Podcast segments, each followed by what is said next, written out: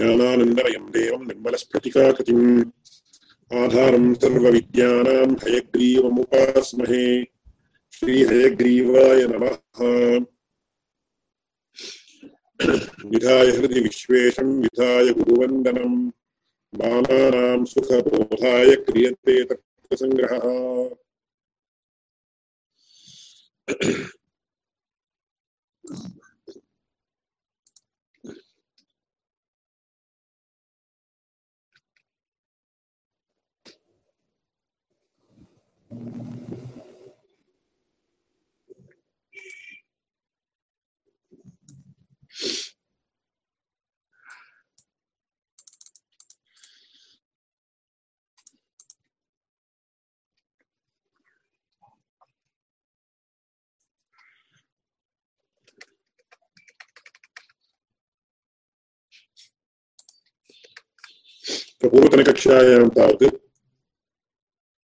हेत्वाभासेषु मध्ये चतुर्थस्य हेत्वाभासस्य असिद्धाख्यस्य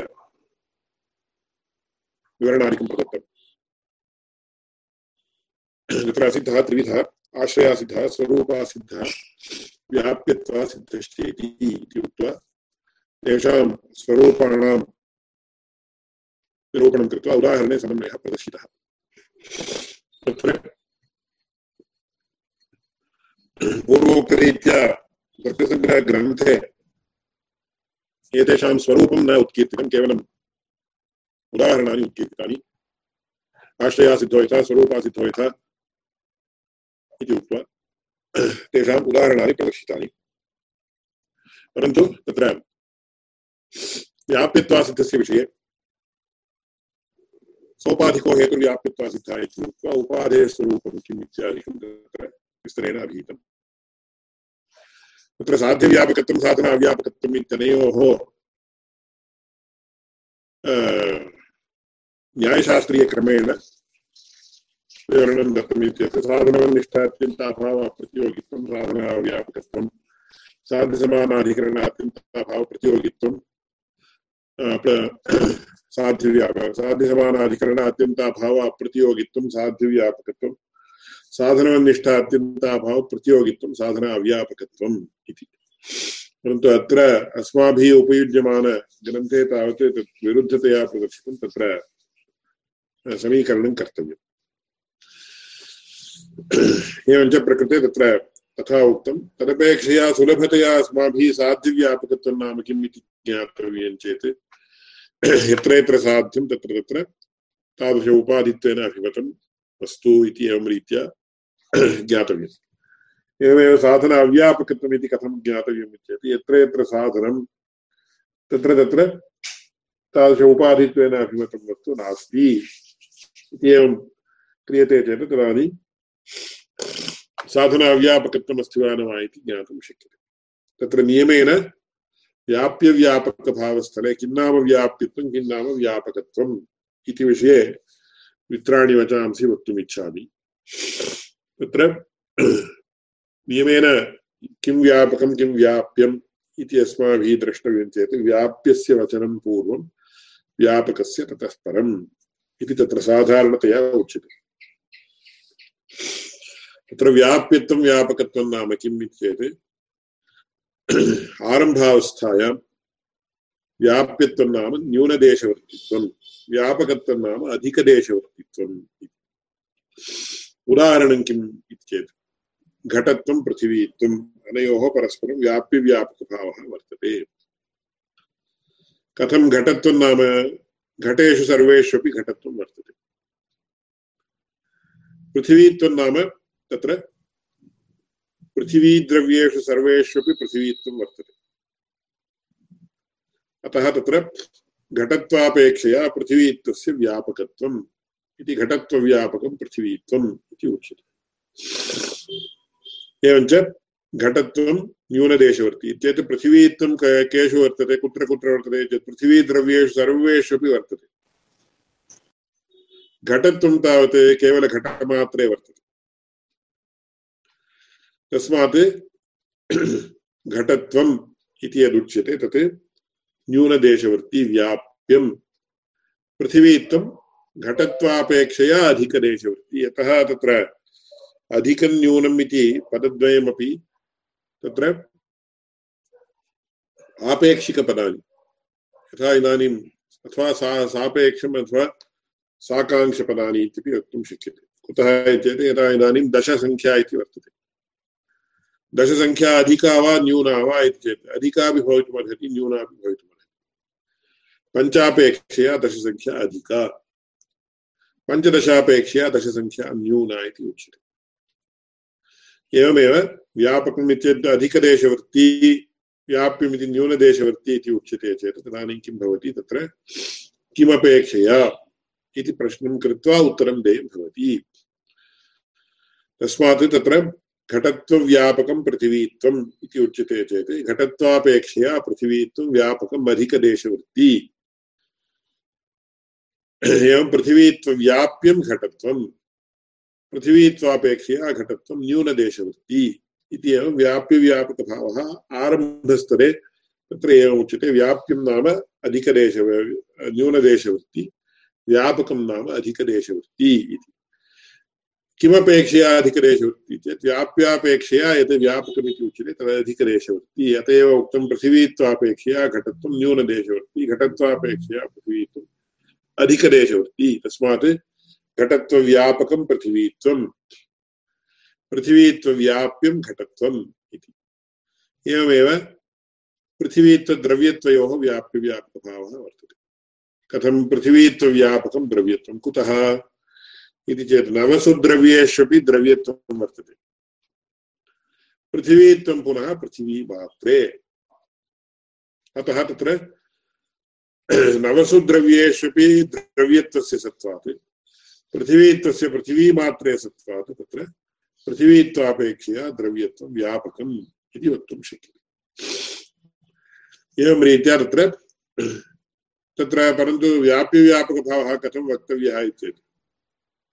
यत्र यत्र पृथिवीत्वं तत्र तत्र द्रव्यत्वम् व्याप्यस्य वचनं पूर्वं व्यापकस्य ततः परम्। यत्र यत्र पृथिवीत्वं पृथिव्यां, तत्र द्रव्यत्वमस्ति वा द्रव्यत्वमस्ति एव। कुतः पृथिवी पृथिव्याः अपि द्रव्यत्वात्। प्रथमं, पृथिवी अप तेजो द्रव्याणि इति कथनात्। परन्तु यत्र यत्र द्रव्यत्वं, तत्र अत्र पृथिवीत्वम् इति वक्तुं शक्यते वा? न वक्तुं शक्यते। पृथिवीत्वं पृथिवीमात्रे वर्तते। यत्र यत्र द्रव्यत्वं तत्र अत्र पृथिवीत्वम् इति न वक्तुं शक्यते कुतः द्रव्यत्वं नवद्रव्येष्वपि वर्तते जले तेजसि वायु आकाशे काले दिशि आत्मनि मनसि च तत्र सर्वत्रापि पृथिवीत्वमस्ति वा चेत् नास्ति तस्मात् तत्र यत्र यत्र द्रव्यत्वं तत्र पृथिवीत्वम् इति न वक्तुं शक्यते परन्तु केषुचित् स्थलेषु यत्र यत्र ज्ञेयत्वं तत्र तत्र वाच्यत्वम् इति उच्यते यत्र यत्र वाच्यत्वं तत्र तत्र ज्ञेयत्वम् इत्यपि वक्तुं तदानीं तयोः तयोरपि व्याप्य परस्परव्याप्य व्यापकभावः वर्तते तत्र तदानीं समव्याप्तिः इति उच्यते यथा इदानीं यत्र यत्र घटत्वं तत्र तत्र पृथिवीत्वम् इति उच्यते परन्तु यत्र यत्र पृथिवीत्वं तत्र तत्र घटत्वम् इति न वक्तुं शक्यते एवं यत्र यत्र पृथिवीत्वं तत्र तत्र द्रव्यत्वम् इति न वक्तुं शक्यते यत्र यत्र घटत्वं तत्र तत्र पृथिवीत्वम् इति न वक्तुं शक्यते परन्तु यत्र यत्र ज्ञेयत्वं तत्र तत्र अभिधेयत्वम् यत्र यत्र अभिधेयत्वं तत्र तत्र ज्ञेयत्वम् इति उभावपि धर्मौ ज्ञेयत्व अभिधेयत्वाख्यौ तत्र कथं भवतः इति चेत् तत्र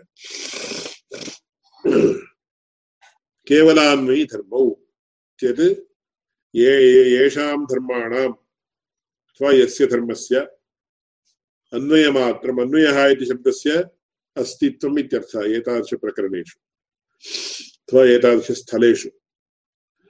अन्वयमात्रं प्रसिद्धं लोके, यथा ज्ञेयत्वम् अभिधेयत्वं प्रमेयत्वं वाच्यत्वं पदार्थत्वम् इत्यादिकम्। तेषां धर्माणां केवलान्वयी अन्तमात्रं प्रसिद्धम्। अत्र अभिधेयत्वं नास्ति इति कुत्रापि अस्माभिः वक्तुं न शक्यते। अत्र वाच्यत्वं नास्ति इति कुत्रापि न अत्र प्रमेयत्वं नास्ति इति कुत्रापि वक्तुं न शक्यते। अतः एते सर्वे केवलान्वयी धर्माः येषां प्रसिद्धं येषां येषाम् अस्तित्वमात्रं प्रसिद्धं ते धर्माः केवलान्वयी धर्माः इत्युच्यन्ते।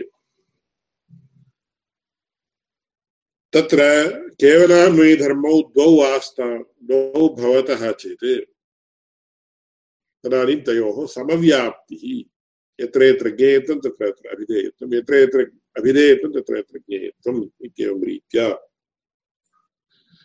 अतः के कयोश्चित् धर्मयोः अथवा कयोश्चित् पदार्थयोः तत्र समं रहति अन्ययोः समव्याप्तिर्न भवति व्याप्यव्यापकभावः भवति। एकः व्याप्यः भवति, अपरः व्यापकः भवति।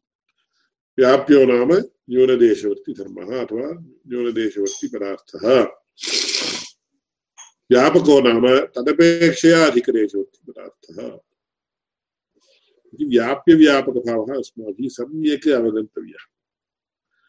तदवगमने एव तत्र अग्रे व्याप्तिप्रकरणे अस्माभिः उच्यमानाः परिष्कारादयः सम्यक् ज्ञातुं शक्यते। नो चेत् तत्र लेशतः अपि कन्फ्यूषन् साङ्कर्यम् अस्माकं मनसि भवति चेत् तत्र सर्वोऽपि विषयः तत्र साङ्कर्यमेव भवति, स अतीव बुद्धेः क्लेशे एव जायते। अतः तत्र व्याप्यव्यापकभावस्य सम्यक् अवधारणं बुद्धौ आवश्यकम् एवञ्च सोपाधिको हेतुः व्याप्यत्वा सिद्धः तस्य व्याप्यत्वं न सिद्ध्यति सः व्याप्यो तत्र निरुपाधिकव्याप्य व्याप्तिः आवश्यकी तत्र अनुमानम् एकेन हेतुना एकस्य साध्यस्य ज्ञानं प्राप्तव्यं चेत् तयोः विद्यमानव्याप्यव्यापकभावः निरुपाधिकः अनकंडीशनल भवेत् तत्र वेदान्तशास्त्रे विशिष्य भक्तिमार्गानुसार अनुसारिणां विषये तत्र भगवतः विषये उच्यते। तत्र निरुपाधिकी भक्तिः आवश्यकी। भक्तिरव्यभिचारिणी इत्यपि तत्र भगवद्गीतादिषु उच्यते। भक्तिरव्यभिचारिणी इत्येत् निरुपाधिकी भक्तिः आवश्यकी। निरुपाधिकी इत्येतत् कोऽर्थः अनकण्डीशनल् इति अस्माकम् आचार्यैः आङ्ग्लभाषां योजयित्वा विवरणं दीयते चेत् भगवतः विषये भवानेव मम उत्तराभ्यन्तरे उत्तमम् उद्योगं दापयति चेत् अहं भक्तो भविष्यामि। अहं भवता एवं क्रियते अहम् अहम् एवं क्रियते सोपाधिक।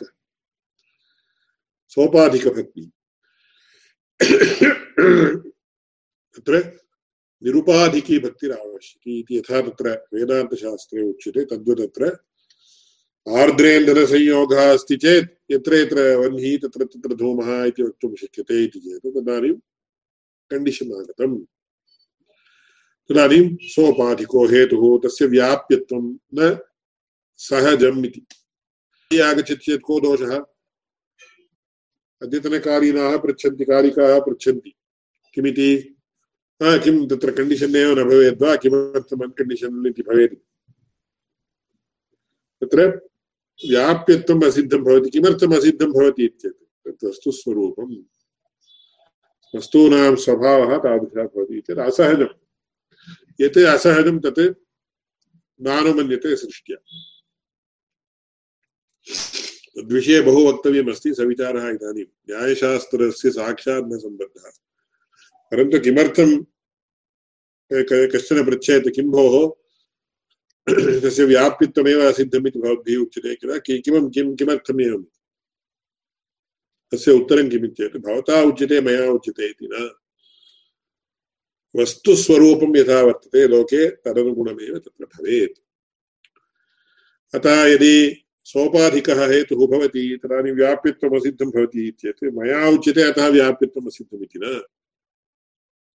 तदानीं तादृशहेतुना भवतः साध्यस्य ज्ञानं प्राप्तुं न शक्यते।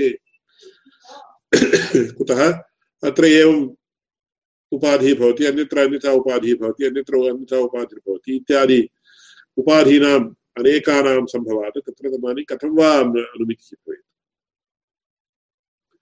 इदानीं तस्य तत्र अस्माकम् अनुमितिः, तत्र अनुमितिसामर्थ्यं सर्वेषामपि वर्तते मनसि सहजतया। सृष्टिप्रदत्ता परन्तु तत्र कथं दोषाः सम्भवन्ति? यथा इदानीं लोके अस्माभिः किम् उच्यते? इदानीम् इदानीम् अहं मम शालां गच्छामि। शालायां तत्र पञ्चश भवनानि वर्तन्ते। अहं तत्र आगतवान् अस्मि वा न वा इति कथं प्रष्टव्यं दूरवाणी अस्ति, दूरवाणी क्रियते एतत् काले सविचारः मास्तु तं त्यजामः कः वा न वा इति पश्यन्तु इत्येतत् तस्य वाहनम् अस्ति वा न वा पश्यन्तु। वाहनमस्ति चेत् सः आगतः इत्यर्थः तस्य ब्लाक् कलर् स्कूटर् अस्ति, तत्र सः तदस्ति वा पश्यन्तु। अस्ति चेत् सः आगतः। अनुमानम् तदीय वाहनसद्भावेन तस्य आग, आगतत्वम् अस्माभिः अनुमीयते। अथवा तस्य ध्वनिः श्रूयते चेत्, ओ, अयम्, अन्तः अस्य, अस्मिन् प्रकोष्ठे पाठयन् अस्ति तस्मात् आगतः इति। अथवा तस्य पादरक्षा अस्ति चेत्, ओ, अन्तः अस्ति इति ज्ञायते। इदं सर्वम् अनुमितिः। अनुमानरूपमेव एकदृष्ट्या अस्माभिः अस्माकम् उच्यते स्म प्रत्यक्षापेक्षया अनुमानस्यैव तत्र प्रसक्तिः अधिका अस्माकं दैनन्दिनजीवने एवं शब्दस्यापि तत् तस्य तस्य प्रमाणस्य विषयः अस्माभिः विस्तरेण दृश्यते चेत् तत्र तस्य तस्यैव प्राधान्यम् अस्ति ज्ञायते। परन्तु तत्र सोपाधिको हेतुः व्याप्यत्वा सिद्धः। अतः उपाधिः नियमेन त्याज्यः।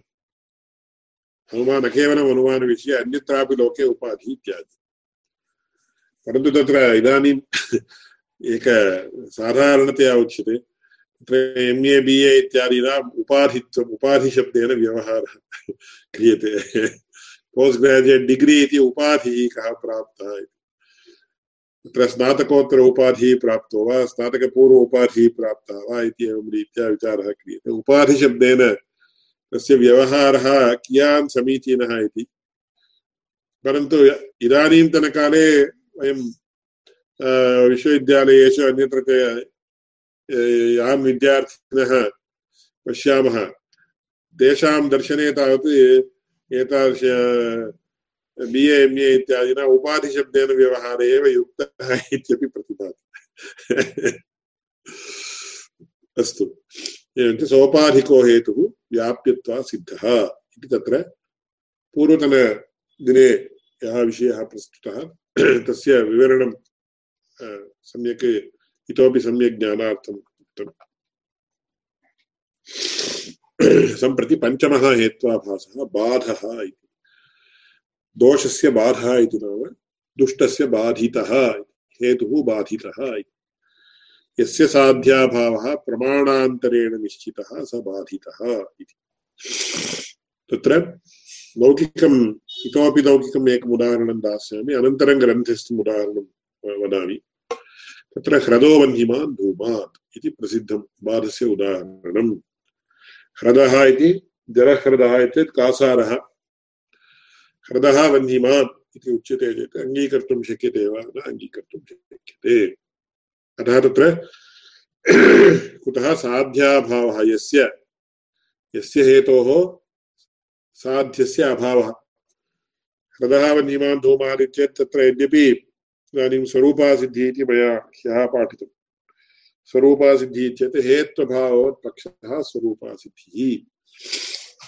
ह्रदः वह्निमान् धूमान् उच्यते चेत् पक्षः वह्निः, साध्यः, धूमः, हेतुः। वह्निः साध्यः साध्यो वा वास्तवतया साध्यलक्षणं तत्र नास्ति खलु इत्यतः साध्यत्वेन अभिमतः इति वक्तव्यम् इति। तत्र निष्कृष्टतया वक्तव्यं चेत् ह्रदः वह्निमान् धूमान् चेत् ह्रदः इति पक्षत्वेन, पक्षः न पक्षत्वेन अभिमतः। ह्रदः इति पक्षत्वेन अभिमतः वह्निः इति साध्यत्वेन अभिमतः, धूमः इति हेतुत्वेन अभिमतः। अत्र हेतुत्वेन अभिमतः धूमः तस्य साध्यं किम् अथवा तेन साध्यं किं वह्निः साध्यः। तत्र तादृशवह्निः पक्षे ह्रदे नास्ति। अतः तत्र बाधः कथं चेत् साध्याभावः प्रमाणान्तरेण निश्चितः। प्रमाणान्तरेण इत्युक्ते केन प्रमाणेन?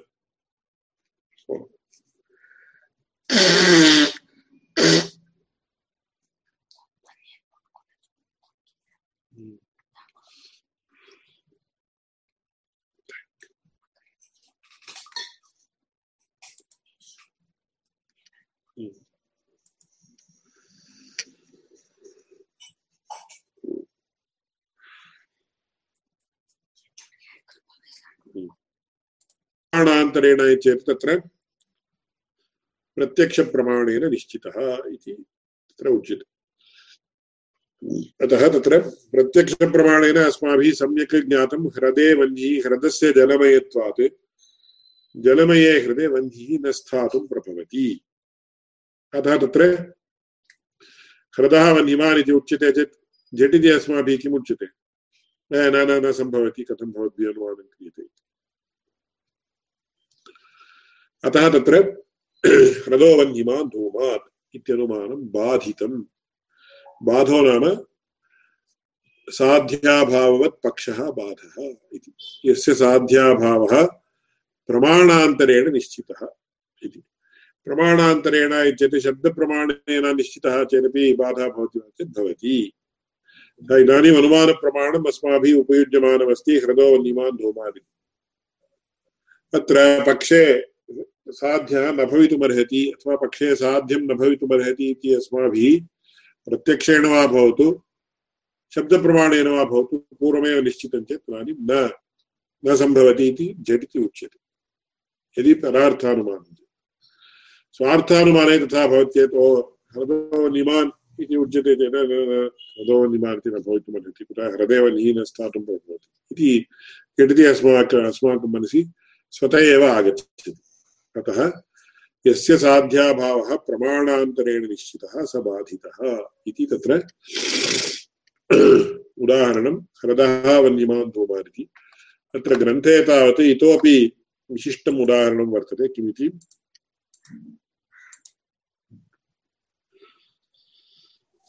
यस्य सा अत्र अत्र पश्यन्तु। यस्य साध्याभावः प्रमाणान्तरेण निश्चितः स बाधितः यथा वह्निरनुष्णो द्रव्यत्वादिति। वह्निरनुष्णः पदार्थत्वादिति साधारणतया हेतुप्रयोगः उपयुज्यते। अस्माकं तर्कसङ्ग्रहपाठावसरे यथा वह्निरनुष्णः पदार्थत्वादित्येव उक्तम् अस्तु, पदार्थत्वं वा भवतु, द्रव्यत्वं वा भवतु, तत्र हानिर्नास्ति वह्निः अनुष्णः उच्यते चेत् तत्र न अङ्गीक्रियते, कुतः? अत्र अनुष्णत्वं साध्यं वह्नौ नियमेन उष्णत्वमेव वर्तते। अनुष्णत्वं कदापि न भवति। अत्र अनुष्णत्वं साध्यं तदभावः उष्णत्वं स्पार्शनप्रत्यक्षेण गृह्यते इति बोध्यम् इति अस्माकं पाठः अत्र तावत् स्पार्शनप्रत्यक्षेण गृह्यते इति बाधितत्वम् इत्येव एतैः पाठः परिवर्तितः। अत्र अनुष्णत्वं साध्यं तदभावः उष्णत्वं स्पार्शनप्रत्यक्षेण गृह्यते इति बाधितत्वम्।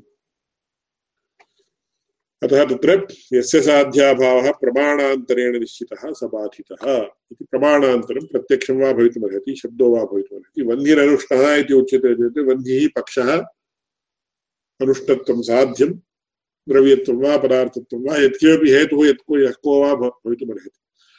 कुतः इदानीम् अस्माकं विचार सरणौ साध्यः पक्षः उभाव उभाव एव वर्तते। तस्मात् हेतुः यः को वा भवतु तत्र। अस्माकं न विचारः तत्र। कुतः एतादृश उदाहरणप्रदर्शनार्थं पक्षसाध्यौ पर्याप्तौ तथा वन्दिरनुष्णः पदार्थत्वादिति उच्यते चेत् वन्दिरनुष्णः द्रव्यत्वादिति वा उच्यते चेत् वा? न तत्र। एवञ्च प्रकृते सा साध्याभाववत् बाधः। इति तत्र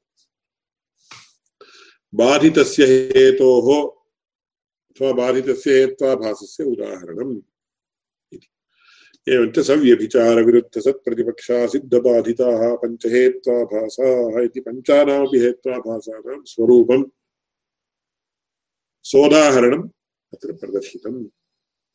अनुमानं समीचीनं भवेत् चेत् तत्र एतेषु हेत्वाभासेषु मध्ये एकोऽपि न भवेत्। एकः भवति चेदपि सः हेतुः दुष्टः दोषग्रस्तः इति भवति। तत्र अग्रे तत्त्वचिन्तामणिग्रन्थे एतेषां विषये विस्तर्यते हेत्वाभाससामान्यनिरुक्तिः इति एकं प्रकरणम्। तत्र हेत्वाभाससामान्यस्य लक्षणं किम् इत्येव तत्र विचारः विस्तरेण प्रवर्तते, बहुविचाराः प्रस्तुताः। तदनन्तरम् एकैकस्य हेत्वाभासस्य लक्षणमुक्त्वा तत्र लक्षणसमन्वयः कथं भवति इत्यादि विचाराः बहुधा क्रियन्ते तत्र। सविचारः इदानीं मास्तु परन्तु एकः विषयः अत्र प्रस्तोतव्यः वर्तते।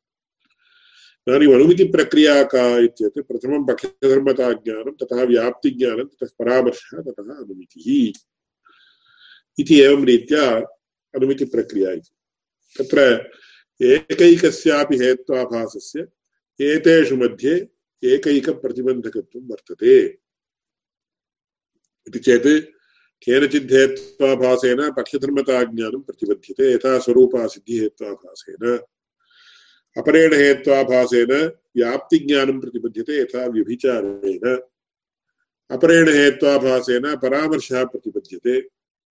अपरेण च हेत्वाभासेन तत्र अनुमितिरेव साक्षात् प्रतिबध्यते।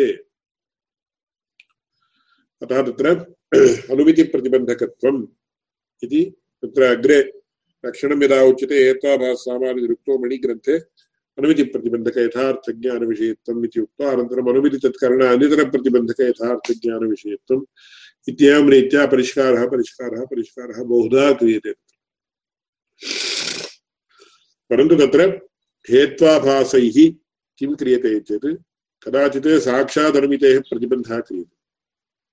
प्रतिबन्धः नाम तत्रापि प्रतिबन्धकत्वं नाम किम् इति विचाराः तत्र अग्रे शक्तिवादे प्रथममेव विव्रियन्ते सविचारः इदानीं मास्तु तत्र।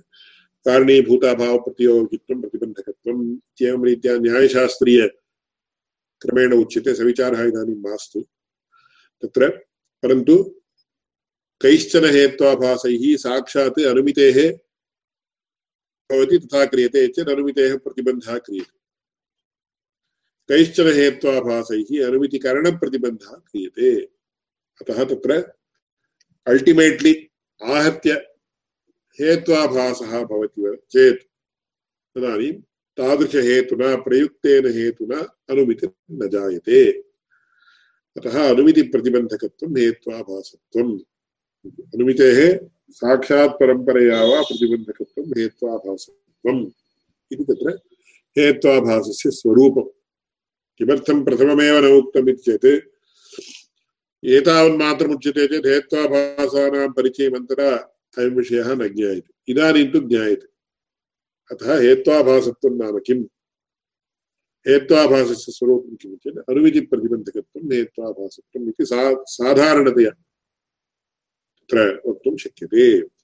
स्पार्शनप्रत्यक्षेण गृह्यते इति बोध्यम् इति व्याख्यातमनुमानम्।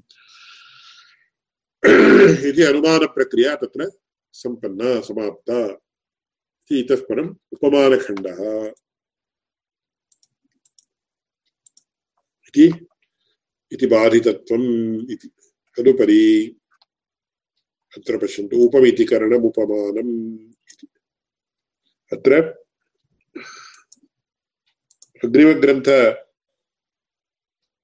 प्रस्तावात् पूर्वं तत्र साधारणतया सङ्गतिः का इत्यादिकम् उच्यते व्याख्यासु। व्याख्या, व्याख्यायाः पाठनावसरे तद्वदामि इदानीं क्रमप्राप्तम् इति साधारणतया उच्यते। को नाम क्रमः इति? क्रमशब्दस्य अर्थः कः इति?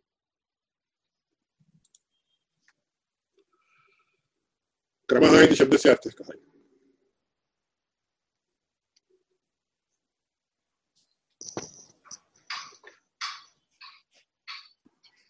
पौर्वापर्यम् पौर्वापर्यं पौर्वापर्यम् इत्येत् पुनः तस्य विवरणं किञ्चिदिव दातव्यं भवति पौर्वापर्यम् इति वास्तव वास्तव वास्तविकं विवरणं तत्र पौर्वापर्यं नाम एतस्य अनन्तरम् इदं तस्य अनन्तरमिदं तस्य अनन्तरमिदम् इति यदुच्यते, तदेव क्रमः इति उच्यते।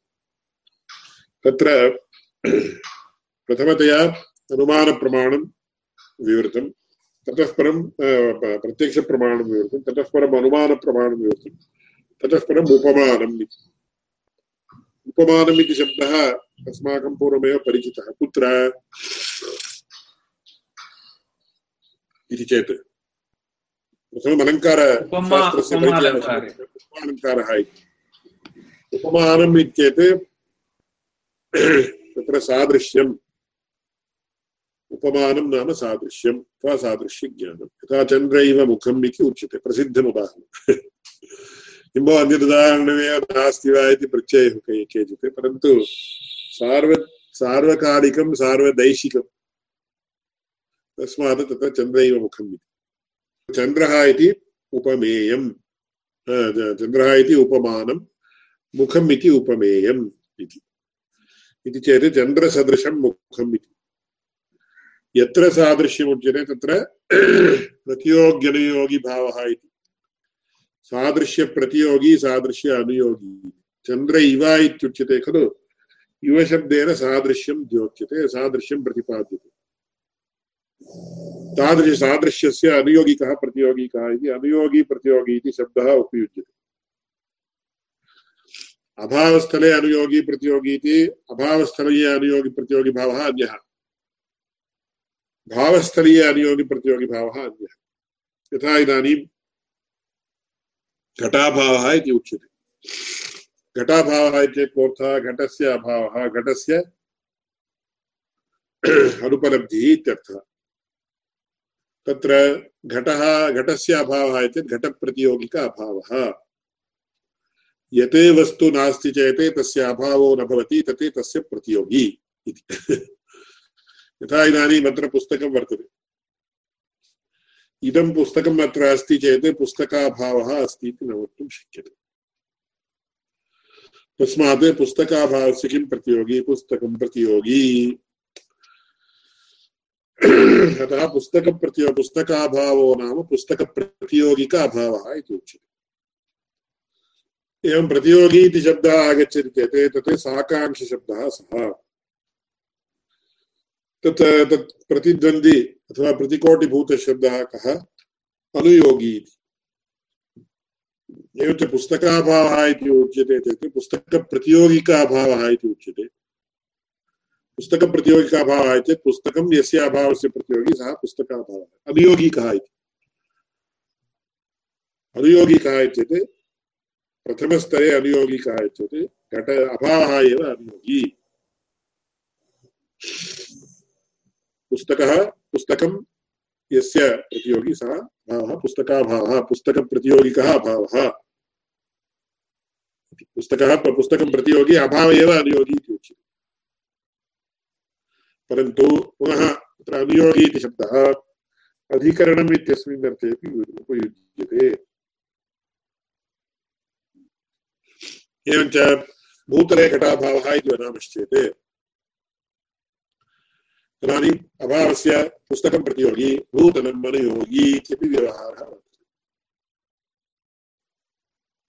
एवञ्च साङ्कर्यं न कर्तव्यम् इति ज्ञापनार्थम् इदं सर्वम् उच्यते कन्फ्यूषन् भवति किं भो प्रति अनुयोगी इति इदमपि उच्यते इदमपि उच्यते कथम् एतत् अनुसारेण अस्माभिः ज्ञातव्यम् एवं व्यवहारस्य आगतत्वात्। व्यवहारः न अस्मदधीनः अस्माभिः एवमेव व्यवहारः कर्तव्यः इति निर्बन्धः न कर्तुं शक्यते तस्मात् व्यवहारस्य आगतत्वात्। कथमपि तत्र स्थितस्य गतिश्चिन्तनीया इति कश्चन न्यायः उच्यते। एवं व्यवहारः एव न कर्तव्यः इति न अस्माभिः निर्बन्धः कर्तुं शक्यते। व्यवहारः कृतः पूर्वमेव। तस्य निर्वाहः इदानीम् अस्माभिः कथं कर्तव्यः इति विचारः अस्माभिः क्रियते। अतः तत्र शास्त्रेषु स्थितस्य गतिश्चिन्तनीया इति श्रुतपूर्वो वा अयं नियमः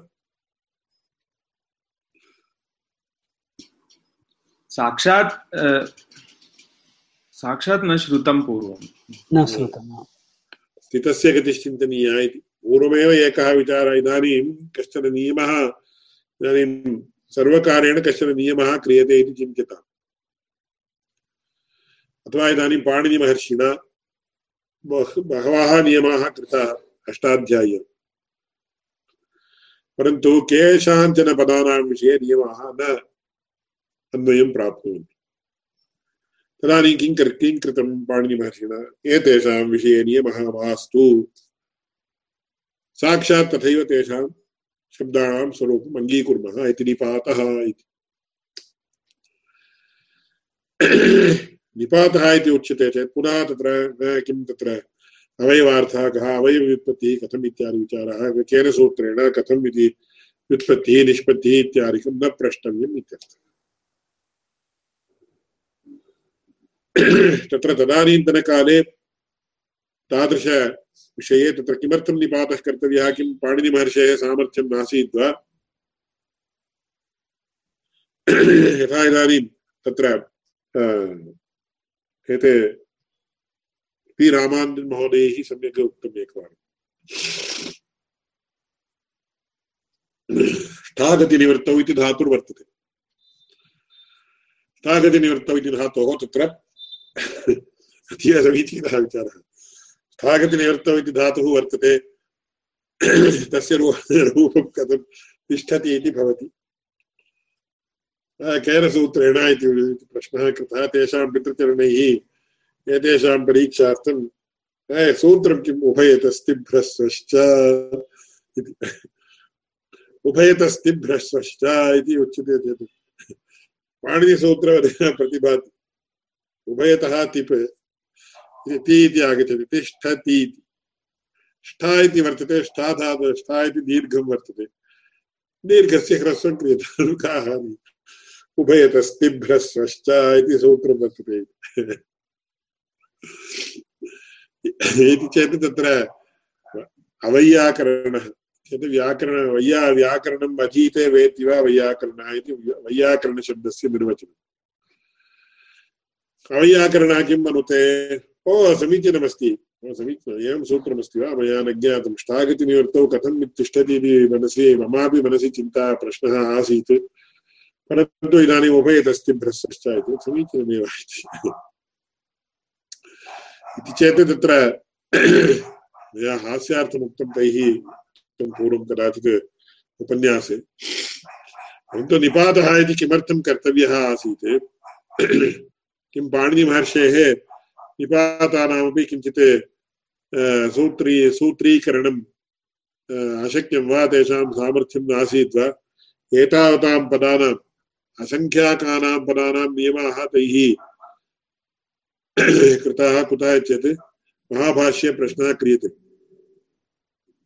अथशब्दानुशासनं केषां शब्दानां प्रयुक्तानाम् अप्रयुक्तानां वा इति प्रयुक्तानामिदमन्नाख्यानमिति उच्यते एकत्र। अन्यत्र प्रयुक्तानाम् अप्रयुक्तानां वा इति इति प्रश्नं कृत्वा प्रयुक्तानाम् अप्रयुक्तानां च इति उच्यते। इति चेत् तत्र यथा इदानीं कश्चन न अतीव उपयुज्यमानः धातुः कश्चन वर्तते। तादृशधातोः यङ् लुकि लुट् लकारे मध्यमपुरुषे, द्विवचने प्रयोगः केनापि कृतः वा कुत्रापि सम्पूर्णं संस्कृतवाङ्मयं वयम् अन्विषामः चेदपि तत्र न तादृशप्रयोगः लभ्यते। परन्तु तस्यापि पाणिनिः, पाणिनिमहर्षिणा नियमः कृतः। इति चेत् पाणिनिमहर्षिणा किं कृतं? फ्रेम्वर्क् इति आङ्ग्लभाषायाम् उच्यते। फ्रेम्वर्क् दत्तं। विद्यमानः यः कोऽपि शब्दः भवद्भिः नूतनतया प्रयोगः प्रयोक्तुं शक्यते। यथा इदानीं नामधातुः इति प्रयोगः। नामधातुप्रयोगः कथं वर्तते? बहु समीचीनः वर्तते। तस्य विषये अपि बहु वक्तव्यमस्ति। स विचारः इदानीं मास्तु अन्यत्र अन्यत्र गच्छति नामधातुः इत्युक्ते शापायते कृष्णायते तादृशं कृष्णायते रामाय तत्र रूप द्वेधा नामधातूनां निष्पादनं कर्तुं शक्यते। कृष्णायते रामायते इति वार्तिकसिद्धं रूपम्। कृष्णति रामति इत्येव तत्र किमिति तत्र, यथा द्वादिधातूनां प्रयोगः साक्षात् क्रियते, तद्वत् कृष्णति रामति इत्येव अस्माभिः कर्तुं शक्यते इति। तद्विषये वैयाकरणानां विशेष अंशाः प्रष्टव्याः मया सूत्रादिकं पूर्वं मनसि स्थापितमासीत् इदानीं बहुकालात् तत्र तादृशसूत्राणां कुत्रापि अप्रयोगात् अस्मरणात् च इदानीं सर्वं विस्मृतं परन्तु मम मया तावत् तत्र उद्धवोः एवं रामायते कृष्णायते इत्येतादृशरूपाणां निर्वचने तत्र अथवा रूपाणां निष्पादने एता इदं सूत्रमिति चेत् सूत्रसिद्धं न तद् परन्तु तत्र वार्तिकसिद्धं पाणिनिमहर्षेः सम्मतं वा चेत् तत्र व्याकरणशास्त्रे नियमः वर्तते यथोत्तरं मूलीनां प्रामाण्यम् कुतः वार्तिककारः पाणिनिका पाणिनिमहर्षेः अनन्तरकालिकः इति तत्र उक्तानुक्तदुरुक्तानां चिन्ता यत्र प्रवर्तते तं ग्रन्थं वार्तिकं प्राहुः वार्तिकज्ञाविपश्यतः इति सूत्रोक्त सूत्रोक्त सूत्रारुक्त सूत्रे दुरुक्त इति तेषां चिन्ता एव खलु वार्तिके क्रियते। अतः वार्तिककारः, पाणिनिका, महर्ष महर्ष्यपेक्षया प्रमाणतरः। प्रमाणतमः तु भाष्यकारे। परन्तु तत्र पाणिनिमहर्षेः विषये अगौरवं प्रकटितम् इति न। तत्र विषयानुगुणतया अस्माभिः स्वीकर्तव्यं तावदेव। त्रिमुनिव्याकरणमिति मुनित्रयस्यापि तत्र समानं स्थानं वर्तते गौरवादिकं। परन्तु प्रयोगविषये अथवा तत्र नियमविषये यदा विचारः आगच्छति तदानीं यथोत्तरं मुनीनां प्रामाण्यम्। इति पाणिनिमहर्ष्यपेक्षया वररुचेः। वररुच्यपेक्षया महाभाष्यकारस्य। अन्ते महा इति महाभाष्यप्रयोगात् इति उच्यते चेत् सुप्रीं कोर्ट् आर्डर् इव। तदुपरि प्रश्नः न कर्तव्यः इति। कुतः चेत् तत्र महाभाष्यकारः पतञ्जलिमहर्षि तादृशमहाज्ञानी आसीत्। एतेषां संस्कृतभाषास्थानां पदानां न केवलं तत्र लोके उपयोगार्हत्वं न केवलं काव्येषु अथवा तत्र लिटररी फील्ड् मध्ये उपयोगः, अपि तु तेषाम् अदृष्टजनकत्वमपि वर्तते। अतः तादृश अदृष्टजनकत्वम् इत्येतत् तत्र अग्रे अस्मान् एकः शब्दः सम्यक् ज्ञातः सुष्ठुप्रयुक्तः स्वर्गे लोके कामधुग्भवति इति खलु तत्र भाष्यकारैः उच्यते। अतः तत्र तद्विषये ज्ञानिनाम् आशयग्रहणं वरतरम् अथवा वरतमम् इति दृष्ट्या इति महाभाष्यप्रयोगः इति उच्यते चेत् तावदेव। तदुपरि प्रश्नः न कर्तव्यः। न कर्तुं शक्यते न कर्तव्यः। अतः तत्र बहुविचाराः सन्ति अस्माभिः ज्ञातव्याः। हम्म। अस्तु प्रकृते तत्र किमर्थमिदं सर्वम् आगतम् उपमा। न उपमा इति। उपमितीकरणम् उपमानम् इति उपमानविषये वक्तव्यांशः श्वः श्वः कक्षा अस्ति वा न वा इति रात्रौ ज्ञापयामि श्वः पश्यामः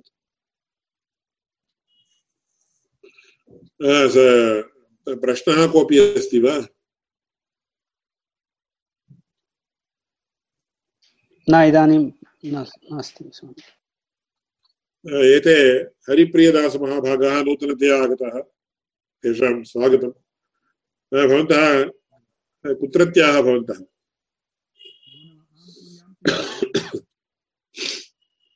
म्यूट् कस्य प्रदेशस्य? तस्य ध्वनिवर्धकं तत्र निवर्तितं वर्तते इति मन्ये। न श्रूयते। अस्तु अस्तु